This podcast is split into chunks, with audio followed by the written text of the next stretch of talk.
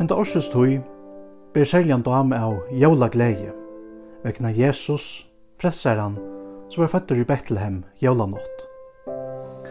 Og vi vita òsne at vi som menneskje heva tørva å sette tøy av til gleina og frien som jævlene ber okkom. Vi gleder hvem annan, tøy at vi vita at gleden er den beste gavan som vi kunne få og djeva og i hese. Samstundes vita vit at sorg og saknur øysne er vovi inn i okkara foldarløyv. Illa som Thomas King og Ischir, harmur og glede og fela til røyka, etna og etna til genga area, virak og mødrak til skiftande løyka, solskin og skutsk fera saman og i lea.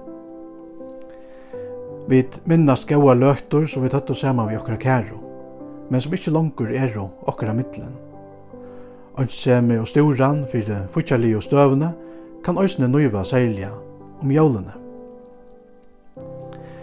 Men hava sorg, sakn og møtgångt og jeg vil korsni at unna okkuna gledast. og vi genga at vi tava tørv fyrir gledene. Det hava vi jo öll somul.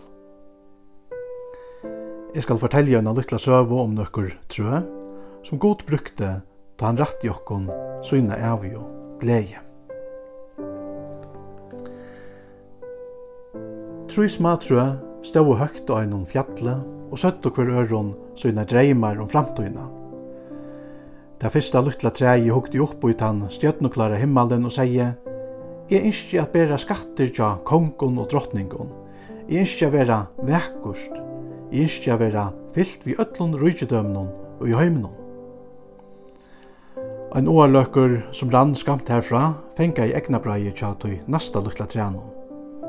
Jeg ønsker å gjerast et størst sjåfær, sier det. Jeg ønsker å sikla at de brøland i heimsøvnum, siftast at de høv og aldunum, og føre konger og drottningar trygt og i havn. Det tredje lytla treje elskar i fjallatinten her til stå. Jeg ønsker å standa bort her og veksa og veksa og veksa, sier det. Jeg ønsker at de som gengar fram vi skulle lydet mer og nema himmelen og hugsa om god. Ein dag en fløyri og ære søytne kom og trutjer skauhøkkar og hjelpa tøymen Simon Trøvnån inn i tørra nasta tøyerskøy. Det fyrsta treie som nu er vekkost var høgt av. Jeg verði nu en kista fyrir du vekrasta skatte, hugsa i det. Jeg vil komme at innhalda heimsins rydgedømme.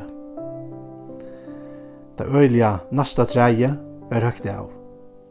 Jeg vil nå komme sikla at taimon brødland i høvun, hoksa i det.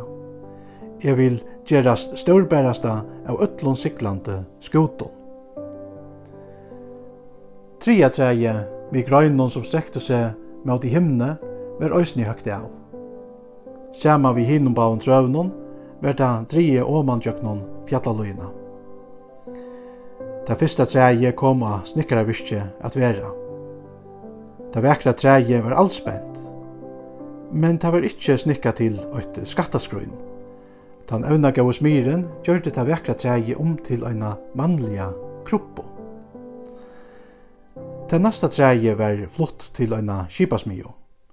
Det øyliga nasta treje hoksa jeg, nu vil det gjerast om til ta storbæraste av ötlun skotun. Men ta sterska anna treje var gjørst om til ein vanligan fiskebakt. Det tredje treet var først til eit uh, timperploss. Her var det skåret i plankar og sett til viks. Hvor hendi hekta, hoksa i det tredje treet. Alt yngste var jo at nema himmelen. Som viknar Leo byrja og tørra dreimer a svinna. Men øyna underfotla nått kvøktes loivattur og i dreimen gjør det fyrsta treet en ung mauer, legger henne en nyfødda son og i kroppena.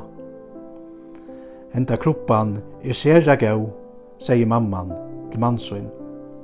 Og da fyrsta seg jeg visste, at da rukka jeg tog tuttningarmesta skatten hon nekrant tog.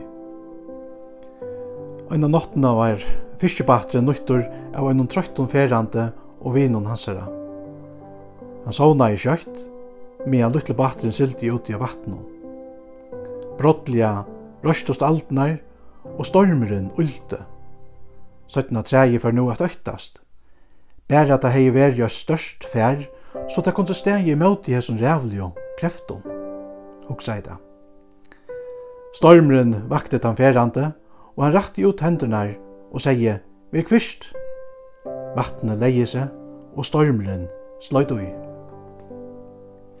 Det var ta etter nasta trægi skilte, at det bær hin almottua kong. Ein frutja morgon tók hun nekrir hermen til tria treie, og det var bare i gjøknon ein oppøstan mannskæra. Det skalv av raslo og krepte seg, da i hendnar og ein manne var og neldar i møte seg. Men ta fylkjante sunnedegin røys sjålen, Jørren var fyllt vi gleie. Treie skilte nu, at alt var brøtt vegna Guds kærleika. Må vi til hese jævl læra nekka om dei trø som god brukte ta en rett i okkon sine avgjå glede. Kroppuna som rukka i tøy tøytningarmesta skatten og nekran tøy.